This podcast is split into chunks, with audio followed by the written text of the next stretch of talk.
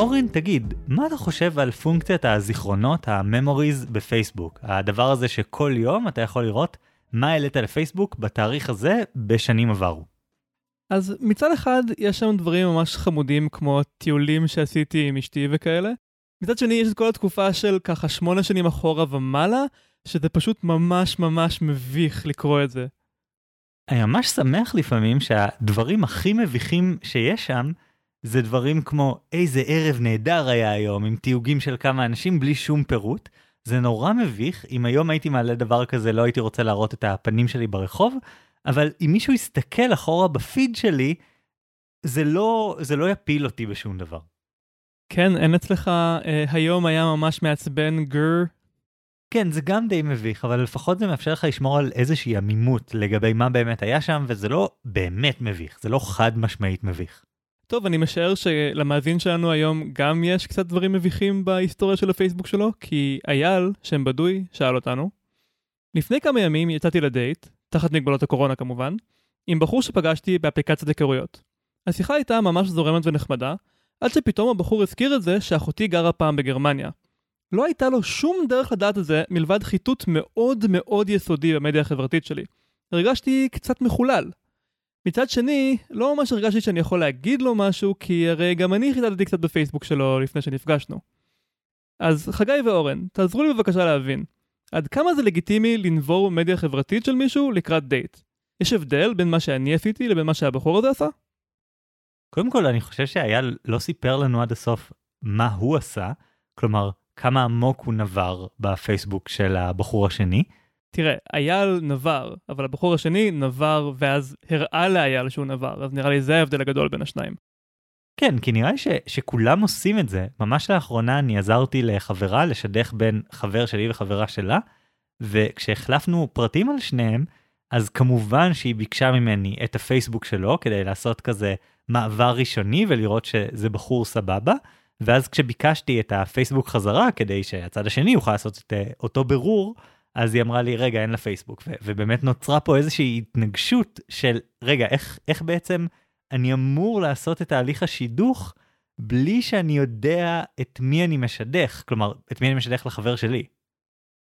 נכון, זה מרגיש כאילו כמות מסוימת של חיטוט במדיה חברתית זה לגיטימי ואפילו הכרחי, אבל כמות אחרת היא מטרידה ולא בסדר. אז איפה עובר הגבול?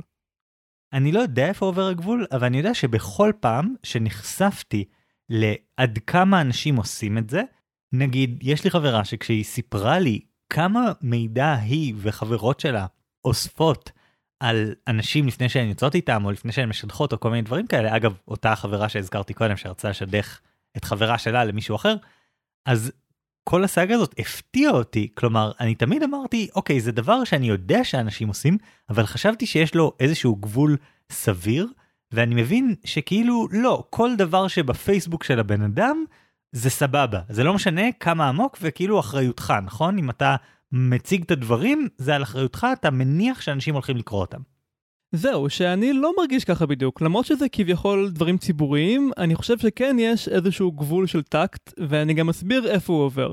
כי לדעתי, לרגל מדיה חברתית זה כמו להיות טבעוני. אבל לא כולם טבעונים, אורן, לא כולם עושים את זה. אבל לרגל בפייסבוק כן כולם עושים. אבל בכל מקרה, אני חושב שלרגל בפייסבוק זה כמו עמימות גרעינית. ועמימות גרעינית זה כן משהו שכולם עושים, חגי? זאת מטאפורה למשהו שכולם עושים.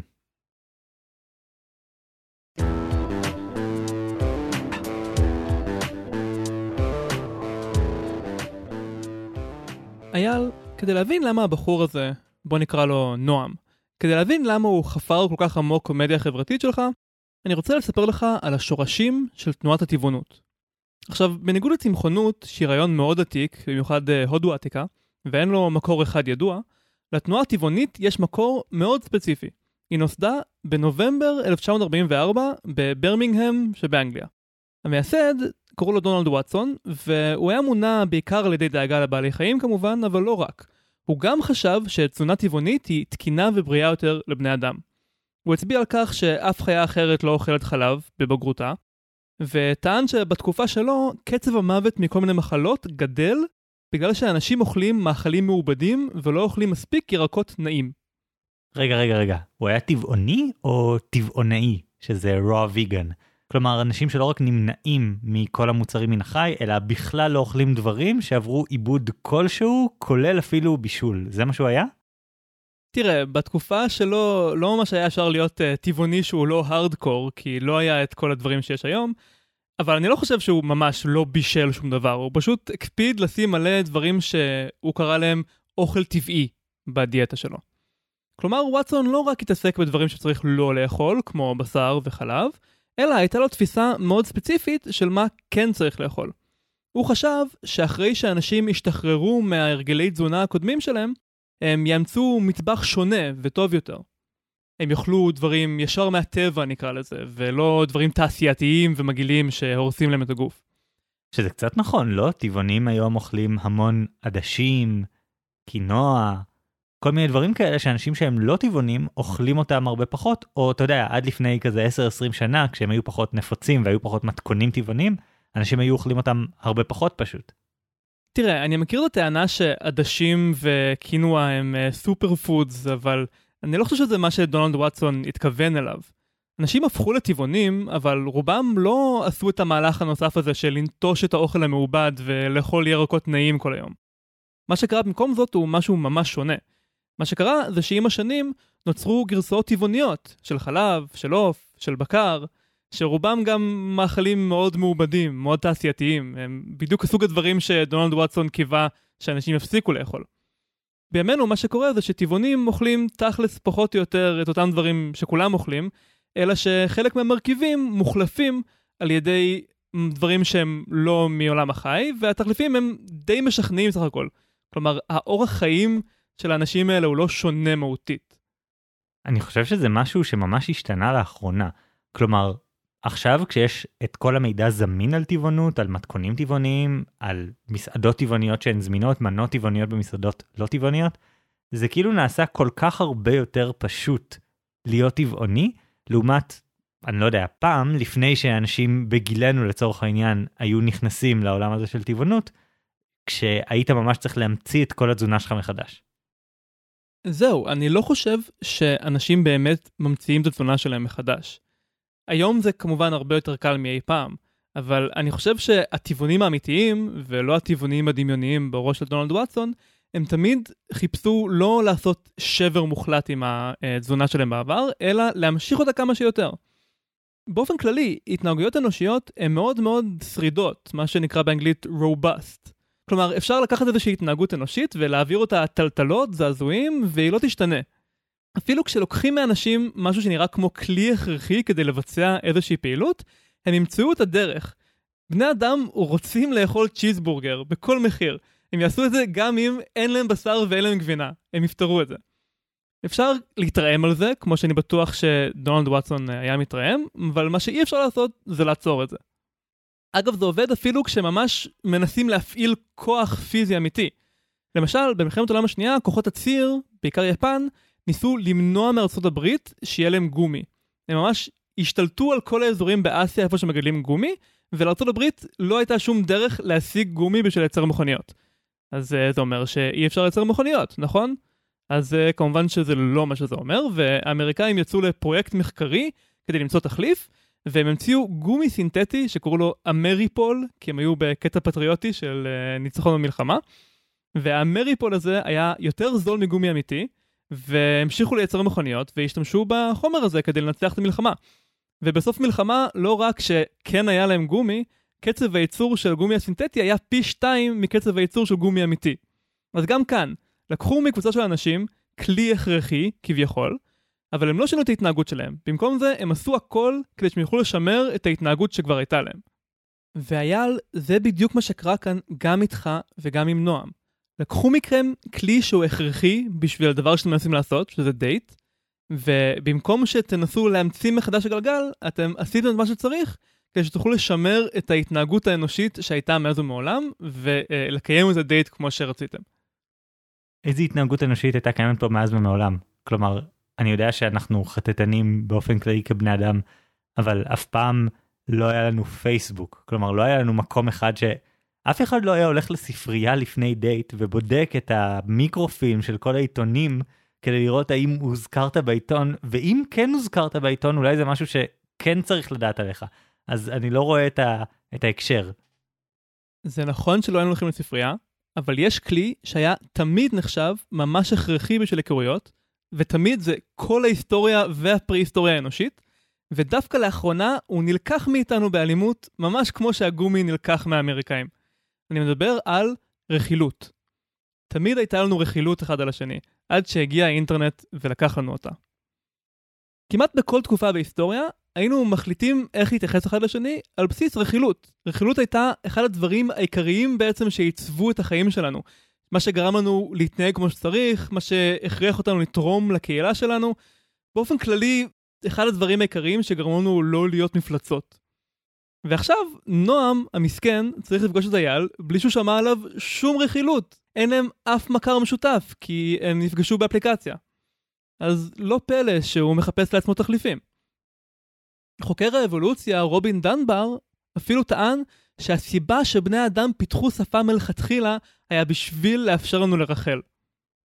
דנבר עשה מחקר כזה על פרימטים, והוא גילה שכמה שמין מסוים של פרימט יש לו מוח גדול יותר, זה גם תמיד הולך יחד עם זה שהוא חי במערכת חברתית מורכבת יותר. וזה לא נניח מקושר לזה שהוא צריך לקפוץ מעצים גבוהים יותר, או שיש לו כל מיני אתגרים פיזיים. זה תמיד מקושר לאתגרים החברתיים דווקא.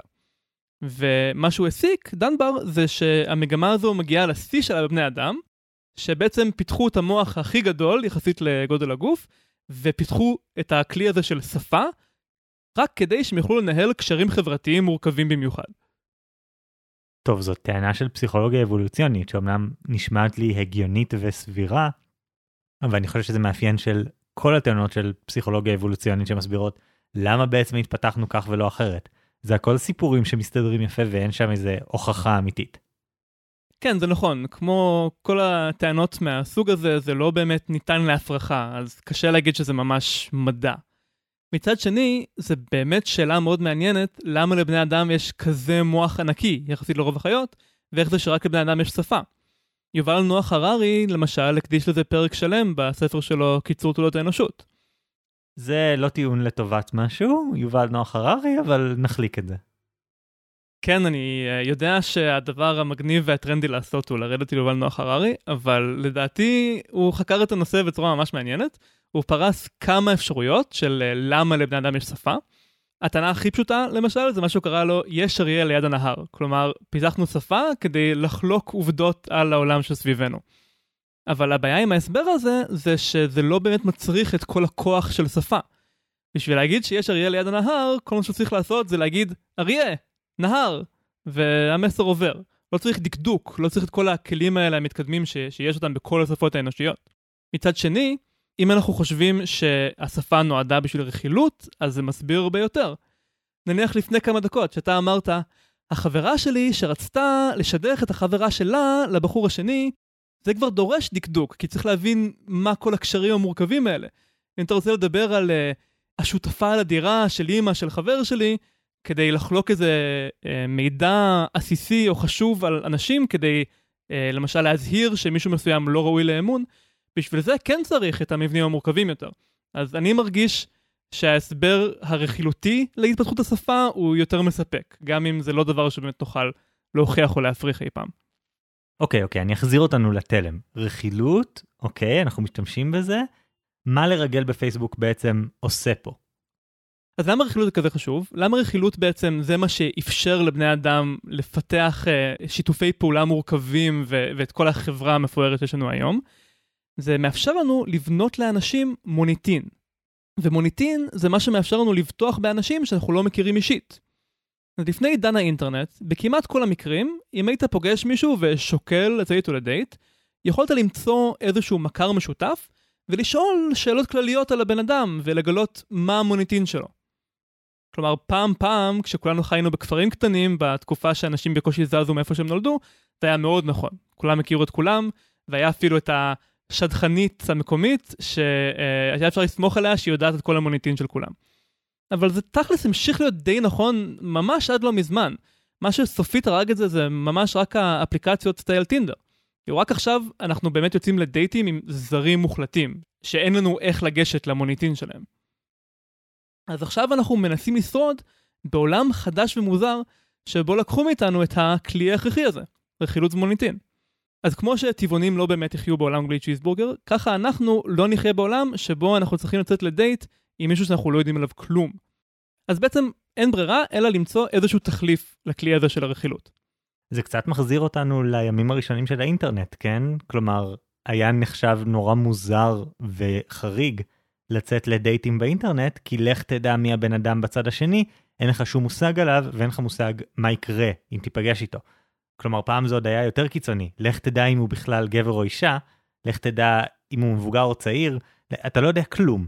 ואני ממש זוכר איך אה, בגיל, לא יודע, 14, בפעם הראשונה שנפגשתי עם, עם חברה שפגשתי באינטרנט, אז ההורים שלי היו בפאניקה, כלומר ממש, מה אתה עושה? איך אתה הולך להיפגש עם בן אדם שהאינטראקציה היחידה שלך איתו הייתה התכתבות בלי לראות, בלי לשמוע.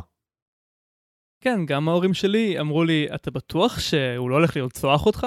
וזה הצחיק אותי בזמנו, אבל אני חושב שהם נגעו פה בנקודה מאוד נכונה, רק שהם לא בדיוק ידעו להסביר אותה. מה שהם בעצם ניסו להגיד זה, אתה מכיר רק את מה שהבן אדם מעיד על עצמו. אתה לא שמעת עליו שום רכילות, אתה לא יודע מה המוניטין שלו בקרב אנשים שחיים סביבו. והם ממש צדקו, רק שהם ניסחו את זה בצורה קצת מגוחכת, ולכן לא ממש לקחנו אותם ברצינות. אבל למזלנו, קצת אחרי התקופה ההיא של האינטרנט המוקדם, במקביל לזה שמוסד הרכילות אה, הושמד, קם משהו שיכול למלא תפקיד דומה, שזה המדיה החברתית. עכשיו, מדיה חברתית זה לא בדיוק אותו דבר כמו רכילות, זה פחות טוב, כי בסוף זה כן עדיין משהו שאנחנו מעידים על עצמנו, אבל לפחות זה בדרך כלל מגובה בתמונות, זה מגובה בתגובות של אנשים, אתה יכול לראות שלבן אדם יש חברים, הוא לא חי בבקתה ביער, אתה יכול לראות שהוא כנראה באמת במגדר ובגיל שהוא טוען. אז זה ממלא כאן איזשהו תפקיד קריטי שבלעדיו היינו די אבודים.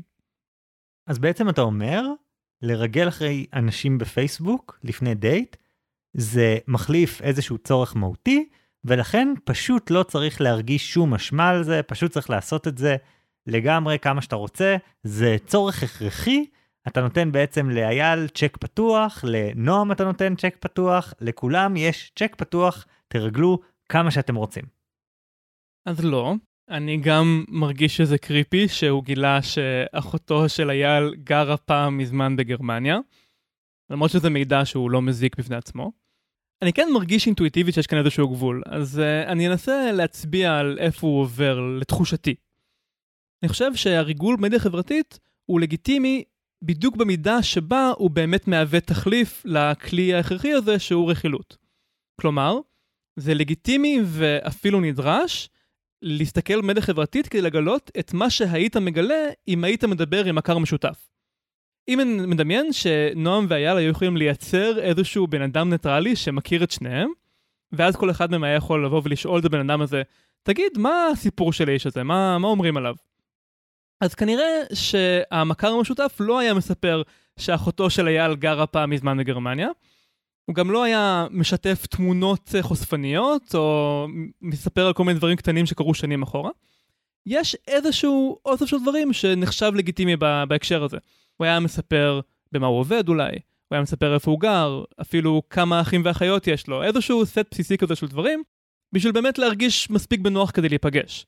אני חושב ששם עובר הגבול. כמובן שזה מאוד סובייקטיבי. אבל uh, בגלל זה אני כן מרגיש שאייל היה בסדר, שהוא כן בדק במדיה החברתית, ונועם היה לא בסדר כי הוא הגזים. אפשר אפילו לקחת את זה יותר מילולית. אם אתה רוצה להיות בטוח שאתה uh, באזור הלגיטימי, אל תסתכל בעצמך במדיה החברתית של הדייט, אלא תבחר חבר שאתה סומך עליו, ושהוא יסתכל. ואז הוא יחליט לספר לך את הדברים שהם לא קריפי לגלות. אני חושב שענית על השאלה הישירה שאייל שאל אותנו, על האם זה לגיטימי, האם זה בסדר או לא, אבל אני חושב שאנחנו רוצים לקחת את זה צעד קדימה, ולנסות גם לתת לו עצה לגבי מה לעשות עכשיו. כלומר, כבר התגלה שהבן אדם יודע עליו משהו מאוד מאוד uh, מורכב או יותר מעמיק, או, או משהו שלא סביר לדעת. מה, מה הוא עושה עכשיו?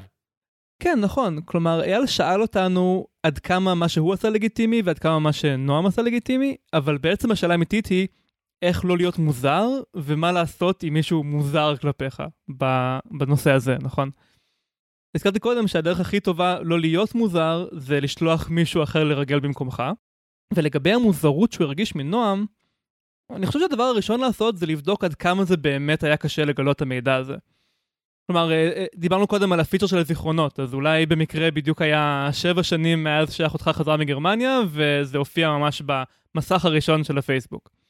ברוב המדיות החברתיות אפשר אה, לבדוק מה אפשר לראות בפרופיל שלך אם אתה לא חבר. אז אפשר כזה לשנות את המבט ולראות איך בעצם נועם ראה אותך, ואז לוודא שזה באמת מוזר ושאתה לא סתם זוכר לא נכון. ואם באמת תגלה שזה כן מוזר, שזה כן דרש ממנו לגלול אחורה שנים על גבי שנים, אז זה איתות מסוים. עכשיו, יצאתם לדייט, אז זה לא הדבר היחיד שגילית עליו. דיברתם, התרשמת מכל מיני דברים שהוא אמר, אבל זה דגל צהוב נקרא לזה. קח את זה בחשבון. זה אומר משהו לגבי שיקול הדעת החברתי שלו. אולי סתם אין לו את החוש הזה, והוא אה, עשה כאן טעות תמימה, ואולי זה משהו מעבר לזה. עוד מוקדם להגיד, אבל זה בהחלט סימן למשהו. אני מבין מה שאתה אומר, ואני מבין את החוסר נעימות שעולה פה, אבל אורן, אייל שם את זה בפייסבוק הציבורי שלו. אם המידע הזה בפייסבוק הציבורי שלך, מה אתה מתלונן על זה שאנשים גלים אותו? זה די א' ב' של אה, בטיחות אינטרנטית, שאם אתה לא רוצה שידעו עליך משהו, אתה מסמן דברים שהם יהיו גלויים רק לחברים, אפילו אתה יכול להסתיר דברים לחלוטין, אם אתה חוזר, לא יודע, עשר שנים אחורה קופץ לך בממוריז, משהו שאתה ממש לא רוצה שיראו, אתה יכול לעשות שרק אתה תראה אותו. אז אני לא מבין למה אנחנו צריכים להיות מוטרדים מזה שמישהו מגלה עלינו מידע שמה לעשות, פרסמנו באופן ציבורי לחלוטין. אני לא בטוח שהבעיה היא בדיוק במידע שהוא גילה, הרי באמת זה שאחותו גרה פעם בגרמניה זה לא בדיוק מידע רגיש. הבעיה היא יותר בזה שהוא כנראה השקיע שעות בלגלול בפייסבוק שלו, וזה פשוט יותר מדי עניין להראות במישהו שעוד לא פגשת אפילו פעם אחת. יש כאן משהו שהוא הרבה יותר רך. אז אתה אומר, הבעיה היא לא בעולם הלגיטימיות, הבעיה היא בעולם המה זה אומר עליך, שקיבלת את המידע הזה ברמה הזאת. כן, הרי גם כשאני הולך ברחוב, כל אחד יכול לראות אותי, ולמרות זאת, אם מישהו יעקוב אחריי ויסתכל לאן אני הולך במהלך יום שלם, זה יהיה מוזר, נכון?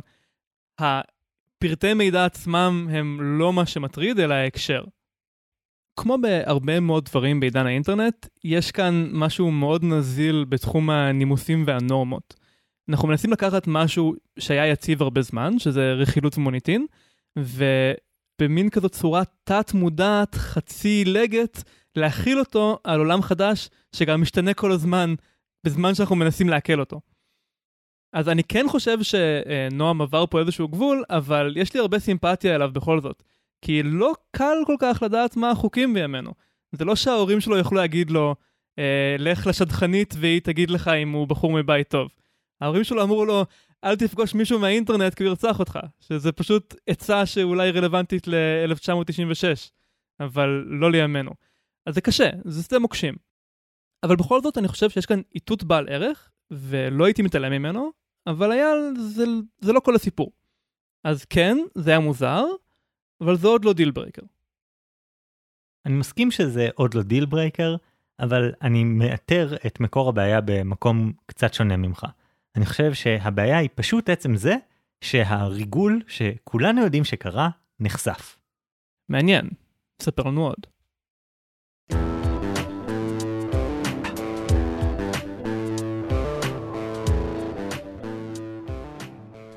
אייל, בוא נדמיין לרגע מדינה דמיונית שקוראים לה אה, גרעיניה.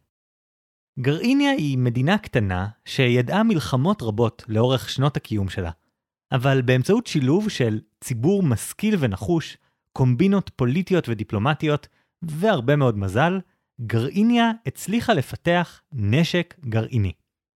הנשק הגרעיני מאוד חשוב למדינת גרעיניה. הוא מאפשר לה הרתעה מאוד חזקה נגד מדינות אחרות ששוקלות לתקוף אותה, כמו שאכן קרה מספר פעמים בעבר. כל המדינות האלה יודעות עכשיו שממש לא כדאי להתעסק עם גרעיניה. אבל הנשק הגרעיני הזה הוא גם בעיה דיפלומטית. בערך מאז שיש נשק גרעיני, מדינות העולם, ובעיקר ארצות הברית, עושות מאמצים כדי למנוע ממדינות נוספות לפתח או להשיג נשק גרעיני.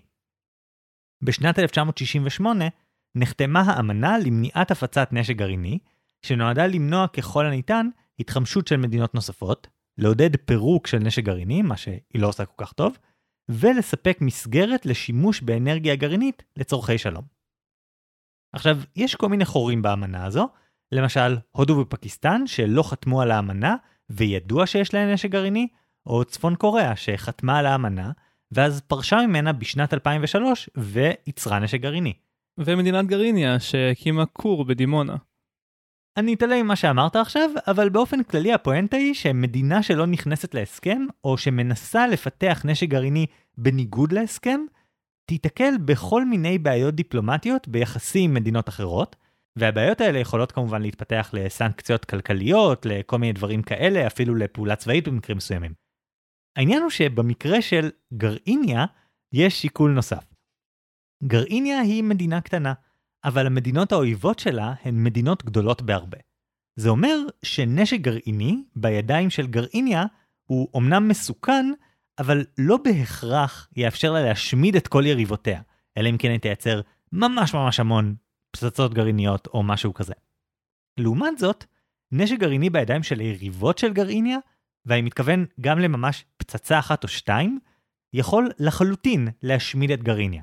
ולכן, אי אז, בשנות ה-50 וה-60, המנהיגים של גרעיניה התלבטו מאוד האם להשיג נשק גרעיני או לא. כי אם לגרעיניה יהיה נשק גרעיני, יכול מאוד להיות שמדינות העולם יהיו פחות, נגיד, נמרצות, בלוודא שלמדינות האויבות של גרעיניה גם אין נשק גרעיני. וזה כמובן מצב מאוד מסוכן עבור גרעיניה, אם כל היריבות שלה מנסות להתחמש. אה, נשמע שגרעיניה יכולה ללמוד ממדינת ישראל, וליישם מדיניות של עמימות. כמובן, אנחנו לא יודעים אם למדינת ישראל יש נשק גרעיני או לא, אף אחד לא יודע שום דבר כזה, אבל לגרעיניה גם יש מדיניות עמימות, איזה פלא. המדיניות הזאת של עמימות בעצם מאפשרת לעשות שני דברים. מצד אחד, ליהנות מהיתרון ההרתעתי של נשק גרעיני, ומצד שני, לא ליפול אל תוך הבור הזה של בעצם לעודד תפוצה של נשק גרעיני במדינות השכנות, באזור שבו גרעיניה נמצאת. ולפי פרסומים שהם uh, מחוץ למדינת גרעיניה, בשנת 1969 גרעיניה הגיע להסכם עם ממשל ניקסון בארצות הברית על שני קריטריונים להתמודדות עם הדילמה. מצד אחד, גרעיניה בהחלט יכולה לפתח נשק גרעיני, כלומר לייצר כוח מרתיע, אבל מהצד השני, גרעיניה התחייבה לא לעשות את זה בפומבי. כלומר לא לעשות את זה באופן שייתן אמתלה ברורה למדינות שכנות של גרעיניה לפתח בעצמן נשק גרעיני באופן גלוי. ומה זה לא לעשות את זה באופן פומבי? זה אומר לא לעשות ניסויים ולא להכריז שיש לך את הנשק הגרעיני. תגיד, לפני שבועיים, כשהמאזין יאיר כתב לנו שהוא נוהג להשוות את הכל לאנרגיה גרעינית, אתה לקחת את זה ממש ברצינות, והחלטת שמעכשיו בכל פרק יהיה לנו איזשהו קישור לגרעין, זה מה שקרה? טוב, טוב, אז אני אתרחק שנייה מהעמימות, אה, ואגיד שהגישה הזאת של עמימות זאת רק דוגמה אחת לאופן שבו נהוג לשמור על עמימות ביחסים בינלאומיים. זה דבר שקורה, מסתבר, די הרבה, שמדינות יוצרות איזשהו מרחב שבו אנחנו לא מתחייבים לשום דבר, אה, ויוצרים איזשהו מרחב פרשנות שכל אחד יכול לראות במציאות את אה, מה שהוא רוצה. אה, כמו בסין, נכון? יש את uh, מדיניות סין האחת, שבה סין הקומוניסטית וטיוואן הקפיטליסטית, שתיהן מסכימות שיש רק סין אחת, ולא אומרים איזו סין זאת. בדיוק, הן מסכימות שיש סין אחת, וכאילו אומרות בוא נשאיר את זה שם, בוא, בוא לא נתווכח על מי הסין האחת. אבל זה כמובן לא נגמר שם, זה ממש נפוץ בעוד הרבה תחומים. Uh, בפרק 24 שלנו, אנחנו דיברנו על הפלישה הרוסית לאוקראינה בשנת 2014, שזאת פלישה שגם היא נעשתה עם המון עמימות. רוסיה אמרה שהיא לא התערבה, שהיא לא עשתה שום דבר, ופשוט התושבים של חצי האי קרים רצו להיות חלק מרוסיה.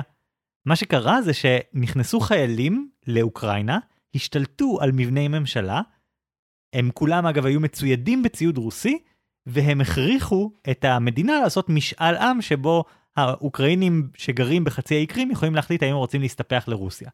לחיילים האלה קראו אז אנשים ירוקים קטנים, Little Green Men. וכמובן שלכולם ברור שאלה היו חיילים רוסים, אבל מה שרוסיה עשתה פה, זה שהיא הצליחה לקחת את חצי האי קרים, אבל היא שמה עטיפה יפה מסביב, שמאפשרת לשאר העולם להעמיד פנים שמה שקרה הוא בעצם לגיטימי. כי הרי אם העולם לא יעמיד פנים שזה לגיטימי, אז ארצות הברית תצטרך להגיב עם טנקים, ואף אחד לא רוצה שארצות הברית תתקוף את רוסיה עם טנקים. אז בכל הדוגמאות האלה שאתה מביא, אה, עמימות גרעינית וסין ואוקראינה, יש בעצם איזושהי מדינה שרוצה להתנהג בצורה מאוד בעייתית ואפילו לעשות משהו שיכול להיחשב אקט מלחמתי, והיא משתמשת בעמימות בתור אמתלה שמאפשרת לה להתנהג כמה רע שבא לה בלי לספוג את ההשלכות. אז אם אני אכיל את זה רגע על אייל ונועם, אתה אומר שהריגול במדיה חברתית הוא אה, פשע, אבל הוא פשע שכולנו עושים, ובגלל שאנחנו נהנים מעמימות בנושא, אז אנחנו יכולים להמשיך לפשוע אה, ל- ללא מחשבה על אה, איך אנחנו משפיעים אחד על השני. אני עוקב? אתה עוקב, אבל אני חושב שלהגיד שזה בהכרח פשע זה לא נכון. כלומר, כל הדוגמאות שנתתי של uh, המערכת הבינלאומית זה על דברים שלא נהוג לעשות ואתה עוטף אותם באיזושהי עטיפה יפה, אבל יש גם הרבה דוגמאות מהחיים שבהן זה לא רק עניין של העטיפה. כלומר, זה דבר שהוא סבבה לעשות אותו באיזשהו מקום, אנחנו פשוט שומרים אותו עם uh, מה שנקרא plausible deniability, יכולת להכחיש את המציאות באיזשהו אופן. אז, אז אני אתחיל לחבר את זה קצת יותר לבעיה של אייל ושיהיה יותר ברור. אז אני רוצה לדבר על זה שבפסיכולוגיה חברתית יש קונספט שנקרא ידע ציבורי לעומת ידע פרטי. ידע פרטי זה ידע שיש לכם, אבל לא כולם יודעים שיש לכם אותו. לעומת זאת, ידע ציבורי זה ידע שיש לכולם, וכולם יודעים שיש אותו לכולם. אז נגיד, יכול להיות שיש במשרד שלכם מישהו שהוא, לא יודע, תמיד גונב עטים מהמשרד אם הוא בא לבקר אתכם בתא שלכם או במשרד שלכם או משהו. ואתם יודעים את זה כי זה קרה לכם, ויכול להיות שכל שאר האנשים במשרד יודעים את זה, אבל הידע הזה נקרא ידע פרטי. למה? כי אני יודע את זה, אבל אני לא יודע שאתה יודע את זה, או שמושיקו יודע את זה. אה, כמו בסיפור בגדי המלך החדשים, שכל אחד ידע שהמלך הוא עירום, אבל הוא לא ידע שאחרים יודעים, ולכן הוא לא רוצה לדבר על זה. בדיוק. והעניין הוא שאנחנו בני אדם, אנחנו חיה חברתית, ואנחנו הרבה פעמים עושים פעילות קולקטיבית, פעילות ציבורית. והעניין הוא שלצורך העניין, בדוגמת המלך הוא עירום, אם אני לא יודע שאתה יודע שהמלך הוא עירום, ואני אגיד שהמלך הוא עירום, ואתה לא רואה את זה, אז אני אחטוף, לא אתה, לא המלך. אני, אני זה שידפק מזה. או בדוגמה מהמשרד, אם אני יודע שיש גנב עטים במשרד שלי, אני בבעיה. כי אם אני אפעל נגדו, אז זה יהיה מילה כנגד מילה, אני לא יודע אם יהיו לזה איזה שהן השלכות חברתיות עליי, אני לא רוצה להיכנס לזה. אבל אם אני יודע שהוא גונב עטים, ואני יודע שאתה יודע שהוא גונב עטים, ושנינו יודעים שמושיקו יודע שהוא גונב עטים, אז עכשיו זה ידע ציבורי, ואנחנו יכולים לפעול ביחד ולא לקחת סיכון. ואגב, רכילות שהזכרת בחלק שלך של הפרק, היא כלי קריטי בנקודה הזו. כן, מוניטין זה בדיוק ידע ציבורי על בן אדם מסוים, מה שכולם יודעים שכולם יודעים. מדיה חברתית זה סוג של סימולציה של זה, למרות שזה די לג סך הכל. אה, בין השאר כי הבן אדם יכול לשלוט בדיוק מה יש שם. נכון מאוד, יש פה משהו מאוד מאוד דומה. זה איזושהי התעסקות עם מוניטין. והרבה פעמים אנחנו עושים כל מיני העמדות פנים כדי לשמור על מוניטין למרות שאנחנו חורגים מאיזשהו uh, כלל מקובל. אז ביחסים בינלאומיים עשיתי באמת פרק שלם על זה בפודקאסט השני שלי הספינר ביחד עם הפודקאסטר ניצן דוד פוקס מהמשחק הגדול והמסקנה שלנו שם הייתה שבמדיניות בינלאומית יש המון העמדות פנים כאלה שאנחנו מספרים סיפור אבל לכולם ברור שזה רק סיפור אבל ביחסים בינלאומיים בפעולה בינלאומית צריך לייצר קונצנזוס כדי לעשות משהו לא יודע להתערב צבאית או סנקציות. ומצד שני, הפעולה שאפשר לעשות כדי להעניש מישהו בזירה הבינלאומית שעושה משהו לא בסדר, היא נורא יקרה, אז נוצר מצב כזה שהרבה פעמים מדינות מעדיפות לא לעשות כלום, אם יש להן אפשרות להימנע מזה, אבל מצד שני הן גם לא רוצות לשלם איזשהו מחיר של אה, לשחוק יחסים דיפלומטיים. כלומר, אם אני אמרתי שאני אגן עליך ומישהו תקף אותך, אני צריך תירוץ לא להגן עליך, אחרת זה ידפוק את היחסים שלי איתך. אז נוצרת דינמיקה כזאת, שהרבה פעילות בינלאומית נעטפת באיזשהו סיפור, וגם כשאנשים יודעים שהסיפור לא אמיתי, והם יודעים שכולם יודעים שהסיפור לא אמיתי, הם יודעים שעדיין יש איזשהו מרחב עמימות, כמו שאמרתי קודם. או במקרה של גרעיניה, כולם יודעים שלגרעיניה יש נשק גרעיני, ואפילו כולם יודעים שכולם יודעים, אבל כל עוד גרעיניה באופן רשמי אומרת מה פתאום, אין לי נשק גרעיני, כל עוד זה קורה, אז זה ממש מצמצם את המרחב ל- לעשות איזושהי פעילות בינלאומית נגד גרעיניה. אוקיי, אז אתה אומר שבעצם כולנו עושים את זה, ואנחנו לא רוצים להעניש אחד את השני על הריגול מדיה חברתית, אבל מי שמפר את הסכם השתיקה וחושף שהוא עשה את זה, אז הוא שם את מי שמולו במצב לא נעים. אני לא בטוח שאני מסכים איתך. א', אני לא בטוח שכולם עושים את זה. אני חושב שמלא אנשים אה, יוצאים לדייטים עם מעט מאוד ריגול מדיה חברתית, אם בכלל. ודבר שני, אני בכלל לא בטוח שכולם היו מסכימים שהם מעדיפים לא לשמוע על זה כדי שהם לא יצטרכו להעניש. אני חושב שהרבה אנשים, וכנראה שאייל הוא אחד מהם, כן רוצים לדעת אם מישהו מוזר ונובר להם בפייסבוק, ולא מעריכים את המעטה הזה של העמימות. ומבחינתם הפשע כאן לא היה זה שנועם חשף שהוא ריגל, אלא עצם זה שהוא ריגל. אם כבר ריגל, אז לפחות הוא חשף, כדי שאייל יוכל לדעת אה, מול מי הוא עומד. אני ממש לא מסכים, כי אתה בעצמך אמרת, זה ממלא איזושהי פונקציה שאחרת אין לנו שום מענה אליה, אין לנו שום דרך להשלים אותה, הריגול הזה. הוא הכרחי באיזשהו מקום. ומה שאני אמרתי לך קודם זה שאם אתה שם מידע באופן ציבורי בפייסבוק, אז שמת את המידע הזה, ו- ואתה צריך להניח שכולם ידעו.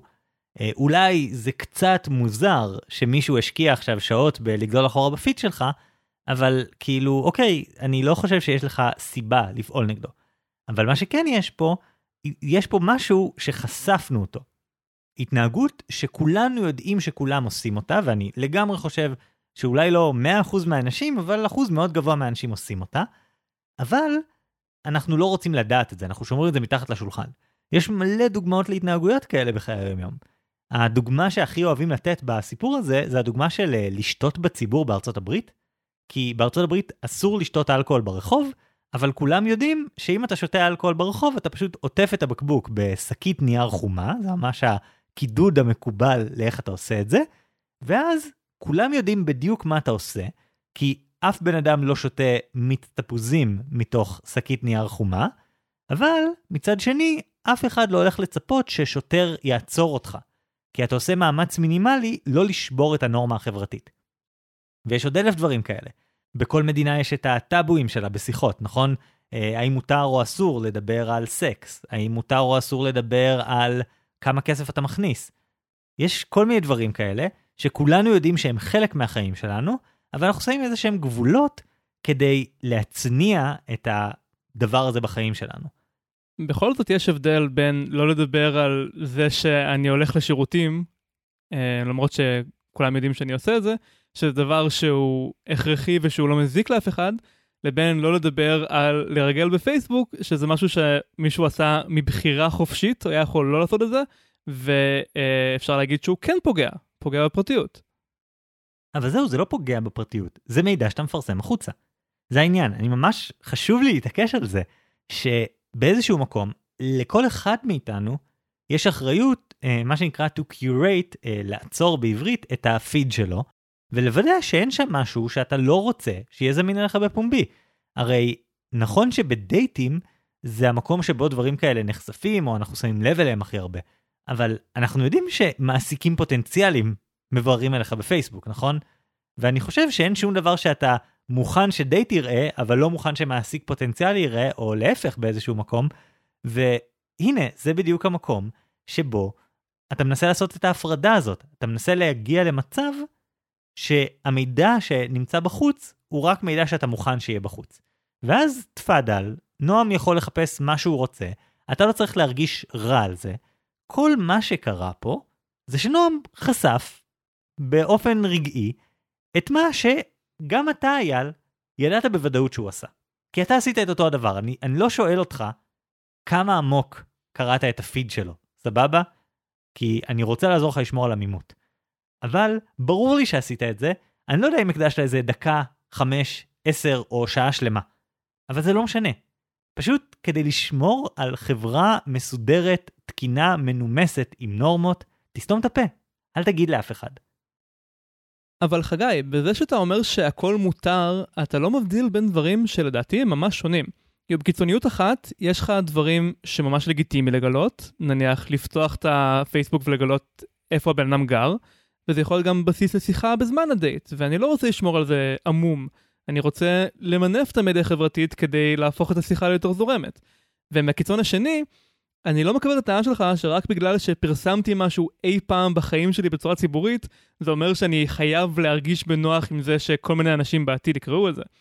אם מישהו נכנס לי לבלוג שהיה לי בגיל 14 וקורא שם על ריב שהיה לי מאימא שלי, ששכחתי שלא מחקתי ושזה עדיין נמצא שם באינטרנט, אז הוא חצה פה איזשהו גבול.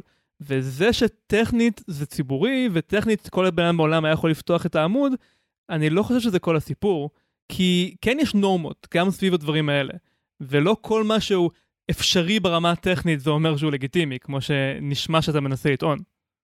תראה, אני גם חושב שיהיה לי איזשהו גבול. אני באמת לא יודע איפה הוא עובר. אני חושב שהוא עובר יותר רחוק מהגבול שאתה הצבת, כלומר, הגבול של אה, רק מה שהיית מגלה סתם ככה. אה, אנחנו מתחזקים פרסונות ציבוריות, אנחנו צריכים להכיר בזה, אנחנו צריכים להתרגל לזה שזה העולם.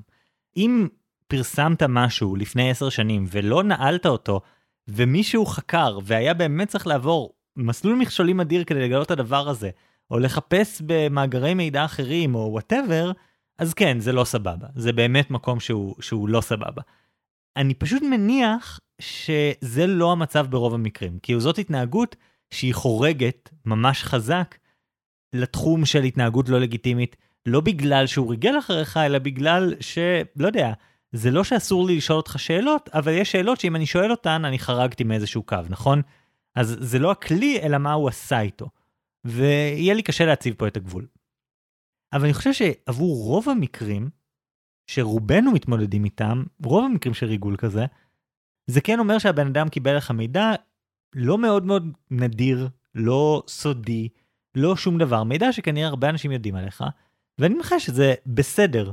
אני, ואני מנחש שהבעיה היחידה היא אם הוא משתמש בזה באופן שיוצר אי נעימות חברתית ובעצם אה, פוגע באיזשהו אופן בקשר ביניכם.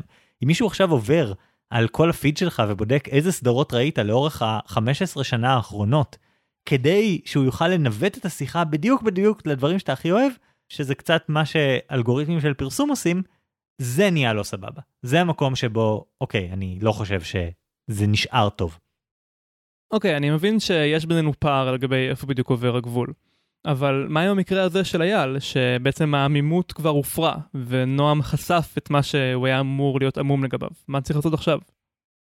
אז אני רוצה להתייחס בהקשר הזה למדינה אחרת, שהיא לא מדינת גרעיניה כמובן, אלא מדינת ישראל, שגם לה כאמור יש מדיניות עמימות.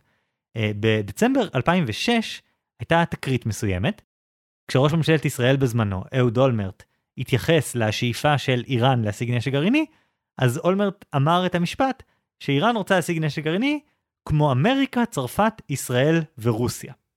ואז בעצם זה רמז שאולי לישראל יש נשק גרעיני, שאם יש לישראל אחרי נשק גרעיני, זו כמובן הפרה של העמימות. אז מה העולם עשה?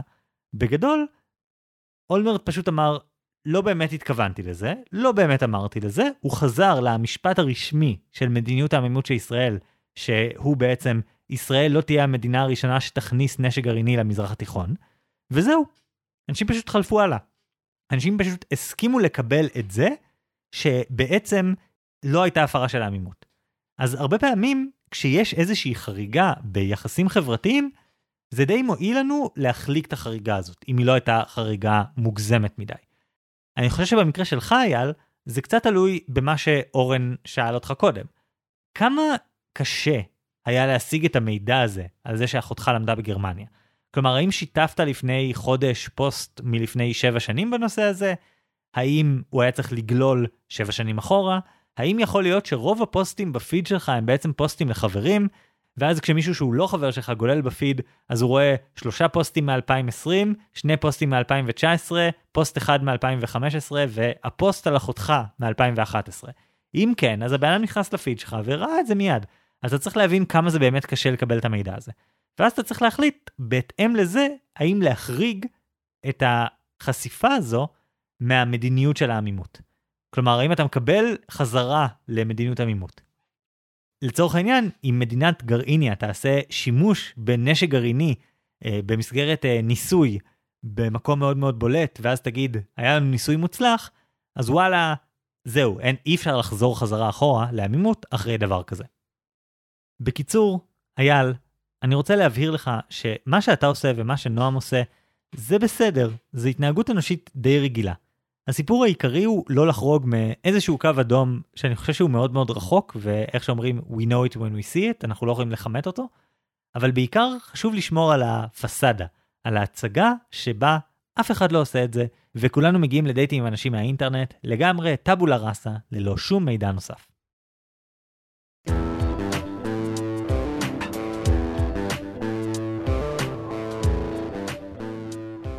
טוב, חגי, שנינו מסכימים באיזושהי רמה שלהסתכל על מדיה חברתית של מישהו שאתה עומד איתו לדייט זה דבר שהוא לא פסול מיסודו, אבל נשמע שאנחנו מעבירים את הגבול במקומות מאוד שונים.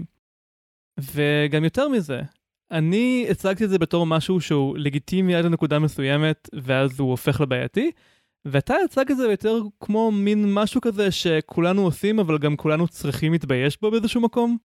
כלומר זו פעילות לא נעימה שאנחנו לא מצליחים לעצור את עצמנו מלעשות. אז אני חושב שגם כאן אנחנו נבדלים, כי בעיניי זה בסדר גמור כל עוד זה במידה. ובעיניי אני לא חושב שאנחנו צריכים בכלל להתעסק בשאלה של מתי זה מפסיק להיות בסדר, יש איזה קו בלתי נראה, קשה להגדרה, שמעבר לו זה לא סבבה, והחלק הבעייתי פה הוא פשוט שזה דבר שלא מדברים עליו בחברה מנומסת, ושם צריך לעצור. טוב, כמו תמיד, אנחנו נעביר את ההחלטה לאותה מדיה חברתית שעומדת כאן למשפט. עוד יומיים אנחנו נעלה סקר ריאקשנס בעמוד הפייסבוק שלנו, שבו אתם תוכלו להכריע מי צודק לגבי ריגול במדיה החברתית. האם זה היה חגי והעמימות? או אורן והטבעונות. ובנוסף, אנחנו מזמינים אתכם לעשות לנו לייק לעמוד הפייסבוק, אה, לשתף אותנו לחברים, לעקוב אחרינו באפליקציית הפודקאסטים החביבה עליכם. והכי חשוב, לשלוח לנו שאלות כדי שיהיו עוד פרקים. ועד הפעם הבאה, אני חגי אלקיים שלם. אני אורן ברנשטיין. ונתראה בפעם הבאה עם השוואות חדשות.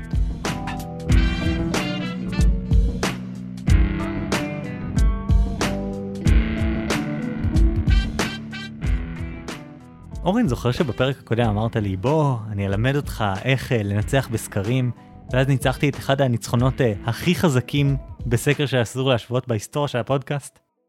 מה שעצוב זה שלא לימד אותך כלום. בדיוק. הידע היה בתוכי כל הזמן. ובכן, 75% מכם הסכימו איתי שהאופן להגיע למצב שיש לך את האנרגיה לעבור מקום עבודה, זה בעצם לפרק את התהליך הגדול שמעורר חרדה להרבה החלטות קטנות שאף אחת בפני עצמה לא מעוררת את החרדה. שזה בדיוק כמו האופן שבו שינויים קטנים נורא בטריגרים החושיים שלנו, עדיין לא מספיקים כדי שנשים לב שמשהו קורה בעולם. נכון, ורק 25% הסכימו איתי שהדרך uh, להחליף מקום עבודה זה לאסוף מרמור ולהעשיר אותו ככה שהוא יהיה מרמור גרעיני, ואז כשיש מסה קריטית של המרמור המועשר, אז uh, אפשר להתפוצץ למקצוע אחר. ואני רק רוצה לציין שאומנם קיבלתי מעט מאוד אחוזים מהסקר, אבל השואלת, ורה שם בדוי, כתבה לנו בפרטי שהיא מאוד מסכימה דווקא איתי. Uh, כן, ורה כתבה לנו שהאמת שהיא התפטרה מהעבודה שלה יום אחרי שהיא שאלה אותנו את השאלה, אבל היא אמרה שמה שעבד לה במציאות זה שהיא מצד אחד ניסתה גם את הפתרון שלי וגם את הפתרון של אורן, אבל בשורה התחתונה המודל של אורן זה מה שהיא הייתה צריכה. Uh, ורה מסבירה ש... תקופה ארוכה בישלתי את החרדות של ידי פעולות והחלטות הפיכות. הסתכלתי על עוד משרות, שדרגתי קורות חיים, הכנתי תשובות לרעיונות עבודה, קבעתי פגישה עם מנטורית מקצועית, כל מיני דברים כאלה. בסופו של דבר, הצעדים הקטנים קידמו אותי. אבל הם לא קידמו אותי לעזוב את העבודה שאני סובלת בה וצריכה לעזוב, אלא קידמו אותי לחפש משהו חדש. אבל מכיוון שלא ברור לי מה אני רוצה מהחיים שלי עכשיו, ומכיוון שהאופטימיות שלי לגבי עבודה חדשה שתהיה טובה בהרבה היא מוגבלת, זה לא הזיז שום דבר מהותי. כל ההכנות והצעדים יעזרו לי בהמשך. בעצם מה שוורה אמרה לנו זה שהיא הכינה תשתיות שיעזרו לה לעשות את המהלך, אבל זה שונה מאשר אשכרה לעשות את המהלך. התשתיות האלה עוזרות אחרי שהיא צברה מספיק אנרגיה, או בדוגמה של אורן, העשירה את המרמור שלה מספיק, רק אז מגיע השלב שכל ההכנות האלה, כל הצעדים הקטנים שאני הצעתי, אשכרה עזרו לה. כן, כמו בהרבה שאלות שאנחנו מתייחסים אליהן כאן בפודקאסט, יש הבדל בין ממש לעשות את זה, לבין אם כבר אתה עושה את זה, לעשות את זה כמו שצריך. אז uh, ורה כתבה לנו בפרטי, אבל uh, גם בעמוד הפייסבוק uh, היו מלא תגובות ממש מעניינות. אהבתי במיוחד את התגובה של הילד, שממש פיתחה מודל שלם משלה. אז היא כתבה קודם כל שהיא העדיפה את חגי על פניי, בגלל שמקום של מרמור על המקום הקודם שלך הוא מקום שמאוד מקשה עליך למצוא עבודה חדשה, בגלל שזה בעצם עושה רושם מאוד שלילי על מעסיקים חדשים. ואז היא הציעה מודל משלה, להחליף עבודה זה כמו קטליזה אנזימטית, שזה תהליך שקורה בתוך תאים חיים. זה היא כותבת. רוב התהליכים שקורים בתא מביאים את החלבונים שמשתפים בהם ממצב פחות יציב אנרגטית למצב יותר יציב אנרגטית, אלא ששני המצבים נמצאים במינימום מקומי של אנרגיה, ובאמצע בין שניהם יש גבעה תלולה בפונקציית האנרגיה. זה אומר שצריכה להיות השקעת אנרגיה מאוד משמעותית, אנרגיית שפעול, לפני שמגיעים למצב החדש היציב יותר. הנמשל, את רוצה למצוא עבודה חדשה, מקום שבו יהיה לך יותר טוב, וכנראה שתהיי במקום יותר יציב אנרגטית, כלומר, יהיה לך יותר קל להישאר במקום חדש וטוב יותר, מאשר במקום גרוע ופחות מתאים שאת נמצאת בו עכשיו. הקאץ' הוא שכדי לעבור בין המצבים צריך השקעת אנרגיה גדולה, כי המצב שבאמצע, כל שלב המעבר בין שני המצבים היציבים, הוא לא יציב. ההצעה שלי לכן, הוא למצוא דרך לייצב את שלבי הביניים, אידיאלית עם מערכת תמיכה כלשהי, שתיתן לך להרגיש שאת על קרקע פחות או יותר יציבה, או לפחות לא נורא מסוכנת, גם בשלבי המעבר. וואו, זה ממש אה, מודל שלם. הוא מסתדר עם איך שאני מדמיין את התהליך האנרגטי. אגב, באיזשהו מקום זה קצת כמו escape velocity, כלומר האופן שבו טילים יוצאים מכוח הכבידה של כדור הארץ, צריך המון כוח כדי להשתחרר מכוח הכבידה של כדור הארץ, אבל ברגע שיצאת, כל הפעלת כוח קטנטנה תזיז אותך מאוד מאוד רחוק בחלל. אז כאילו זה היה נורא נוכח במודל המנטלי שלי, של הסיטואציה, אבל אני ממש אוהב את הספין שאיילת שמה פה, שלימד אותי גם משהו חדש לגמרי שלא הכרתי. כן, ואם תיגשו בפייסבוק, היא שמה עוד קצת פרטים, שהיריעה קצת קצרה לנו כאן, אז זה מומלץ.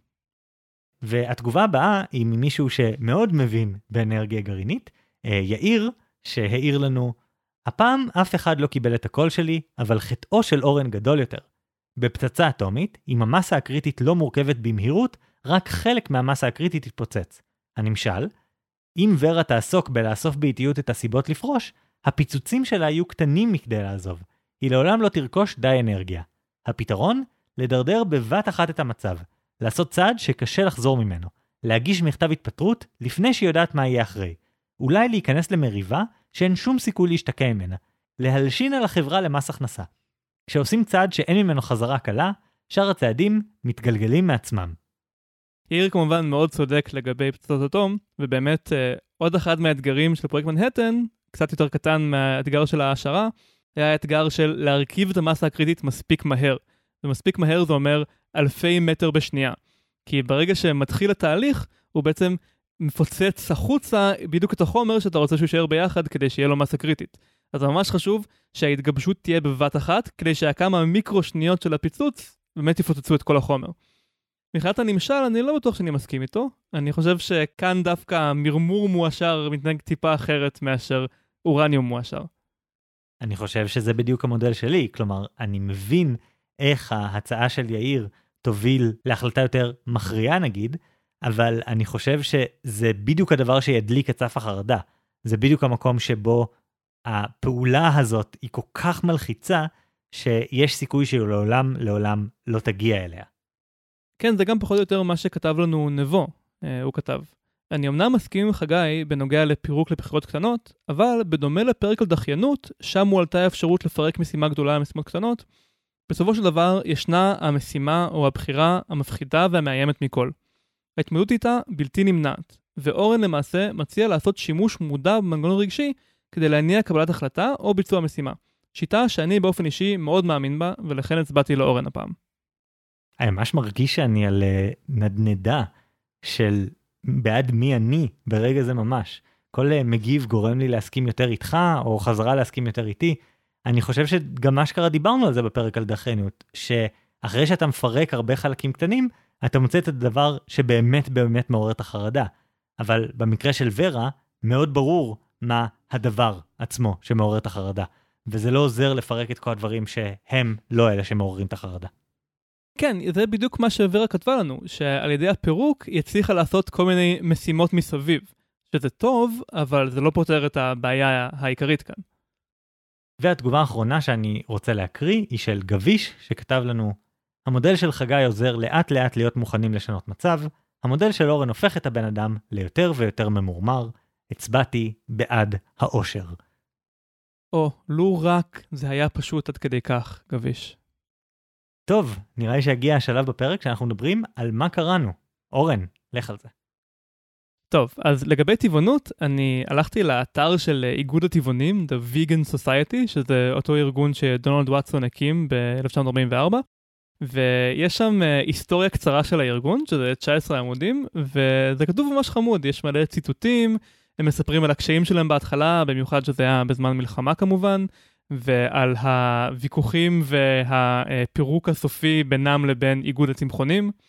שזה קליל, זה קצר, אה, מי שזה מעניין אותו מומלץ. אני אישית מאוד הופתעתי לגלות שטבעונות זה לא תנועה עם שורשים עמוקים כמו צמחונות, זה בעצם משהו הרבה יותר מודרני. באיזשהו מקום זה לא כזה מפתיע, כי בעצם כדי להשלים את כל הדברים שחסרים לך בתזונה, אה, מתזונה כזאת אופורטוניסטית נקרא לזה, של אנשים בעבר, שבעצם היו אוכלים מה שיש, אתה צריך המון תחליפים שבעידן לפני העידן התעשייתי, איך תשיג אותם? כלומר, אם אתה צריך כמות מאוד גדולה של עדשים, ואתה גר באזור בלי עדשים, אז בהצלחה. פעם סויה וטופו לא היו דברים שאפשר להשיג בכל מכולת. אז זו תזונה שנורא קשה להגיע אליה במצבים שבהם אין את המערכת שמביאה לך את האוכל הזה. אז מאוד לא מפתיע אותי שזה לא דבר שהתפתח בתקופה שבה האוכל כל כולו הגיע ממרחק של כנראה קילומטרים בודדים ממך. כן, יש משהו אירוני בעמדה המאוד uh, בעד לאכול טבעי של וואטסון, כשחושבים על זה שזה כנראה לא היה פרקטי לאכול כמו שהוא רוצה בעולם שהוא לא תעשייתי. כן, כי היית צריך לאכול מה שיש, לא מה שנראה לך נכון. זה, זה היה רוב, ה, רוב ההיסטוריה של המין האנושי, היינו אוכלים מה שיש, מה שזמין. ובטח שלא היינו אומרים, וואי, לא בא לי על זה, או כמו שאני, אני לא אוכל פירות נגיד. בן אדם שלא אוכל פירות לא היה שורד בתקופה שבה אתה אוכל מה שיש ומה שזמין באותו רגע. ומצד שני, זה נורא נחמד וטוב שיש את האופציה הזאת עכשיו. שהאופציה הזאת נעשתה רלוונטית, ושאני חושב שלא הייתה אף נקודה בהיסטוריה שבה צמחונות וטבעונות היו צעדים כל כך קלים שכל בן אדם יכול לעשות. כן, ואני חושב שההיסטוריה הקצרצרה הזאת היא גם נחמדה בפרספקטיבה הזאת של חידוש בעולם הערכים, שזה משהו שהרבה פחות חושבים עליו מאשר חידוש uh, טכנולוגי. Uh, לגבי המחסור בגומי של ארה"ב במלחמת העולם השנייה, האמת היא שזה לא משהו שאני קראתי, אלא משהו שאתה קראת, חגי, וסיפרת לי עליו, ואני שילבתי במודל שלי. כן, אני קראתי על זה בפעם הראשונה בספר How to Hide an Empire, כן, זה ספר שקראתי די מזמן על ההיסטוריה של ארצות הברית בתור מדינה שיש לה קולוניות כמו לכל שאר המדינות, כלומר היא מנצלת בצורה כזו או אחרת משאבים מהרבה מקומות בעולם שהם פשוט לא חלק רשמי מארצות הברית, נגיד לתושבים שם, אם יש תושבים, אין זכות הצבעה. ובניגוד נגיד לאימפריה הבריטית, אנשים לא יודעים שזה המצב. כלומר, כשבריטניה הייתה אימפריה והשמש לא שקעה אף פעם על הטריטוריה הבריטית, אז כולם ידעו, זה היה מאוד מאוד גלוי. אה, וארצות הברית מעט מאוד מהזמן הייתה במצב הזה, ומצד שני, חלק גדול מההיסטוריה שלה, איזה 150 שנה או משהו כזה, היא משתמשת במשאבים של כל מיני מקומות אחרים בעולם, ובהקשר הזה, הספר עסק בעניין הגומי. כלומר, שארצות הברית הייתה צריכה גומי ממש ממש חזק, ואז היא בעצם נתקעה כשמדינות הציר אה, פגעו באספקה שלה. כן, זה ממש מעניין. אנשים לא יודעים על העבר האימפריאליסטי של ארצות הברית, הם לא יודעים ש... ארה"ב שלטה בפיליפינים במשך עשרות שנים, והם גם לא חושבים על מקומות כמו פורטו ריקו, שהיא קולוניה בכל מובן פרקטי. זה איכשהו ארה"ב הצליחה לשמור על המוניטין הנקי שלה, שזה מעניין. כן, הספר ממש מעניין במיוחד שהוא מגיע לאימפריה הפוינטליסטית, שזה הרבה נקודות אימפריה של ארה"ב שאף אחת מהן היא לא טריטוריה, אבל לא ניכנס לזה כי זה נושא לפרק אחר. ואגב מוניטין, קראתי ספר מאוד נחמד על מוניטין, אה, קוראים לו People will talk, The Surprising Science of Reputation, מאת ג'ון ויטפילד. זה לא ספר שמחדש משהו, זה מהספרים האלה שעוברים על אה, כל המחקרים הגדולים בנושא מסוים ואוספים את זה למשהו שהוא קריא ונוח לעיכול. אבל אני ממש ממליץ על זה. שם קראתי על רובין דנבר והתיאוריות שלו לגבי התפתחות השפה, והוא גם חוקר שם את התופעה של כבוד מצבים שבהם אם מעליבים אותך אתה מרגיש הכרח אה, להגיב באלימות. ועל הרעיון שיש תרבויות מבוססות אשמה לעומת תרבויות מבוססות בושה, שזה רעיון שהוא כבר לא כל כך מקובל היום, אבל שיש מקומות כמו ארצות הברית, שמה שקובע את ההתנהגות זה מה שלך נראה בסדר ולא בסדר, ואם תתנהג לא בסדר תרגיש אשם. ויש מקומות כמו יפן, שמה שקובע זה מה אנשים מסביבך חושבים. ואם תתנהג לא בסדר לפי אמת מידה של מי שמסביבך, אתה תרגיש בושה. למרות שנראה לי שגם בתרבויות שמונעות אשמה לפי ההסבר הזה, אנשים עדיין מרגישים בושה, לא? כן, אני חושב שהניסוח הזה, שזה הניסוח המקורי, אז הוא ממש קיצוני מדי, ולכן הוא גם לא כך מקובל היום. אבל בכל זאת זה מעניין להצביע על זה שאשמה ובושה הם מין כאלה תאומים, רגשות עם הרבה קשר, אבל שהם אה, מגיעים ממקומות שונים והם משפיעים עלינו אחרת. אז uh, ספר הוא סקירה כזאת נחמדה של הנושא הזה ועוד מלא נושאים קשורים ומומלץ. Uh, וספר אחרון שהזכרתי בקטנה זה uh, קיצור תולדות האנושות של יובל נוח הררי. אני בטוח שאתם לא צריכים שאני אספר לכם על הספר הזה, הוא אחד מרבי המכר הגדולים של השנים האחרונות, בארץ ובעולם. ונהיה קצת טרנדי לרדת עליו, אבל אני מרגיש שהפקתי ממנו מלא. הוא באמת מאוד שטחי בהרבה מקומות, ולפעמים הוא נותן כאלה הצהרות פרובוקטיביות שהן לאו דווקא הכי מדויקות, כמו כשהוא אומר שלא אנחנו בייתנו את החיטה, אלא החיטה בייתה אותנו. אבל בכל זאת, אני חושב שיש מלא מה ללמוד מזה, אז uh, אני דווקא ממליץ בחום. גם אני נורא נהניתי מהספר הזה, פשוט צריך לזכור שזה לא באמת היסטוריה, שיש שם הרבה דברים שהם פרשנות, ואתה צריך להפריד בין הרעיונות המעניינים לבין להניח שככה העולם, שזה מציג איזושהי אמת על העולם. צריך לעשות את ההבחנה הזאת, ו- והרבה אנשים שקוראים את הספר הזה יותר קשה להם לעשות את ההבחנה, כי יובל נוח הררי בעצמו לא עושה את המאמץ להבחין בין איפה הוא מתבסס על uh, מחקרים אמיתיים, או מחקר שלו, שלדעתי כמעט ולא קיים בתוך הספר הזה, לבין מקומות שזה פשוט דעתו. כן, זה נכון. Um, זה פתח למחשבה יותר מאשר ממש uh, מקור למידע ספציפי. בדיוק. טוב, חגי, כבר אה, ראיינתי אותך לגבי uh, How to Hide an Empire, אבל מה קראת בשביל הפרק הזה? אוקיי, okay, אז קודם כל, את הקונספט הזה של uh, אמתלות ומידע ציבורי ומידע פרטי וכל זה, אני הכרתי דרך ספר שהזכרתי כבר בפודקאסט הזה לדעתי, שנקרא The Elephant in the Brain של קווין סימלר ורובין הנסון. זה ספר שבאופן כללי מנתח כל מיני התנהגויות uh, יותר ופחות מוזרות שיש לנו בחיי היומיום, ומסביר אותם לפי מה המוח שלנו באמת מנסה להשיג. אה, והעיסוק שלו בסוגיה הזאת של מידע ציבורי ומידע פרטי, איך אנחנו רותמים אחד את השני לפעולה קולקטיבית, אה, איך אנחנו מנסים לעבוד על עצמנו כדי לעבוד על הבן אדם שאיתו אנחנו מדברים, זה חלק מאוד מאוד מעניין. יש שם מלא מלא דוגמאות, והוא באמת אה, פותח את הראש, הוא גורם לך להסתכל על הרבה התנהגויות יומיומיות בדרך מאוד מאוד שונה, כשאתה מבין מה האינטרס הלא מודע אה, שנמצא מאחוריהן. סיפרתי לי מלא על הספר הזה ואני חושב שאני אאלץ לקרוא אותו. כן, אגב, אני אגיד אה, דוגמה אחת שלא העליתי בזמן הפרק עצמו, יש שם את הדוגמה שהוא נותן, שאם דייט הולך טוב, ובסוף הדייט אה, אחד מהצדדים מעוניין בסקס, אז אחד מהדברים שהוא הרבה פעמים יעשה זה משהו כמו להגיד, היי, hey, רוצה לעלות אליי לראות את אוסף האגרטלים שלי, או איזשהו משהו כזה.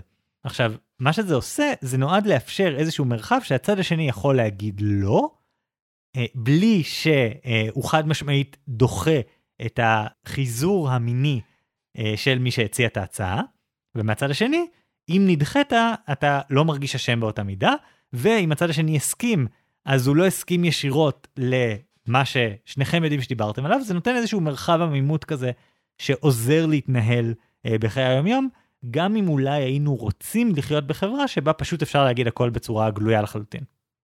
כן, אפשר לומר שבמצבים חברתיים העמימות היא כמו כזה שמן. אם יש לנו כזה שני גלגלי שיניים שהם לא בול אחד על השני, ואם הם ייאלצו להיות במגע מלא אז יהיה חיכוך, יהיו בעיות, אז העמימות נותנת כזה שמן, מין כזה lubrication, uh, ועכשיו אפשר להמשיך להתנהל ולא להתמודד עם הבעיות הקטנות האלה. בדיוק, זה, זה אחד מהדברים שה... העמימות הזאת מאפשרת לעשות, והיא עושה את אותו הדבר בדיוק גם ביחסים דיפלומטיים, וכאמור עשיתי על זה פרק שלם של uh, הספינר, בדיוק על העניין הזה. חוץ מזה אני נכנסתי לעולם הזה של uh, לקרוא על מדיניות עמימות, אז אחד הדברים הכי שימושיים שהגעתי אליהם, uh, האמת התחלתי מראיון עם חוקר בשם אבנר כהן, שהוא היסטוריון ישראלי אמריקאי, שתחום המחקר שלו הוא Non-Proliferation, כלומר המניעה של הפצת נשק גרעיני ברחבי העולם. Uh, אז הוא התראיין על מדיניות הגרעין של ישראל. Uh, כמובן שאם אני אגיד דברים ספציפיים שהוא אמר אחרי כל משפט אני צריך להגיד uh, לפי פרסומים זרים. אבל בעצם הוא סקר את כל התהליך שבו אם לישראל היה נשק גרעיני, אז איך ההחלטות היו מתקבלות לאורך התהליך, יואו, קשה לשמור על עמימות בפודקאסט, אבל הפואנטה היא שבעצם הוא הציג מאוד יפה את ההתנגשות הזאת בין מצד אחד יש סיבה לרצות נשק גרעיני, כלומר הצורך להרתיע, ומצד שני יש סיבה לא לרצות נשק גרעיני כי זה ידרדר את כל המערכת ויגרום לתפוצה יותר רחבה של נשק גרעיני למרוץ חימוש, ומה שבעצם ראינו בתחרות בין ארצות הברית לברית המועצות. סיפרתי לך פעם את uh, תיאוריית הקונספירציה שלי? מה? יש לי תיאוריות קונספירציה שלישראל אין נשק גרעיני. כי הרבה יותר קל לייצר עמימות מאשר לייצר נשק, אז למה לטרוח בכלל? מי יודע, אנחנו לעולם לא נדע כנראה. אבל בכל מקרה המשכתי לקרוא את הספר של אבנר כהן שהוא הוציא לפני uh, עשר שנים, שנקרא The Worst Kept Secret, Israel's Bargain with the Bomb, שמדבר בדיוק על תיאוריית העמימות, uh, ובעצם הוא מתייחס לעמימות בתור החלטה אסטרטגית מבריקה של ישראל. הוא מצטט בספר הזה את uh, אנליסט הביטחון המנוח זאב שיף, שאמר בעבר שאם לישראל היה פרס לאומי לאסטרטגיה, היו צריכים לתת את הפרס הזה למי שהמציא את אסטרטגיית העמימות. כי באיזשהו מקום האסטרטגיה הזאת היא מהותית לתפיסה הביטחונית של ישראל, למערכות היחסים הדיפלומטיות והבינלאומיות שלה, זה ממש דבר מהותי. קראתי חלק מהספר הזה, זה ספר שנראה די מעניין, אבל באמת אתה מקבל איזשהו כבוד למדיניות הזאת, שאולי קשה לקבל אותו מסתם לקרוא על זה שזאת המדיניות של מדינת ישראל. כן, כי זה מאוד קל להשוות את זה לכל מיני אי החלטות שמתקבלות היום, ולחשוב שזה מונע מתוך פחדנות. כן, כאילו, אנחנו פשוט לא נגיד, כי אנחנו לא רוצים להגיד. אבל הוא ממש מתאר את האופן שבו ההחלטות האלה התקבלו לאורך זמן, אה, נקודות ציון מרכזיות שבהן זה הפך מאנשים פשוט התנהלו ככה, עד למצב שזאת אשכרה הפכה למדיניות רשמית, עם נוסח רשמי והכל. אה, בקיצור, זה, זה באמת תחום מרתק. אז כאמור, אני, אתם לא יכולים לקרוא את כל הספר, יש הרצאה ביוטיוב שנשים קישור אליה בהערות הפרק. היא באמת נותנת תפיסה מאוד מאוד רחבה של הדבר הזה, ויש בה אנקדוטות אה, מאוד מצחיקות, כמו זה שההתעסקות של שמעון פרס שעסק בנושא האנרגיה הגרעינית של ישראל, אה, הוא עשה עסקים בעצם עם שלט צרפת, והיה שם, לפי מה שמתאר אבנר כהן, איזשהו שלב ששמעון פרס היה צריך שהצרפתים יחתמו על איזשהו מסמך, הם הסכימו לחתום, אבל אז הממשלה נפלה. אז הם פשוט שינו את התאריכים על כל המסמכים כדי שברור חתמנו על זה לפני שהממשלה נפלה. שזה כמובן סיפור ישראלי ממש קלאסי. ואני בטוח שגם במדינת גרעיניה קורים דברים דומים. כן, וכמובן, אני לא יודע אם אי פעם העולם יגלה האם לגרעיניה באמת יש נשק גרעיני או לא. עד כאן להפעם. אני אורן ברנשטיין. אני חגי אלקיים שלם. ביי!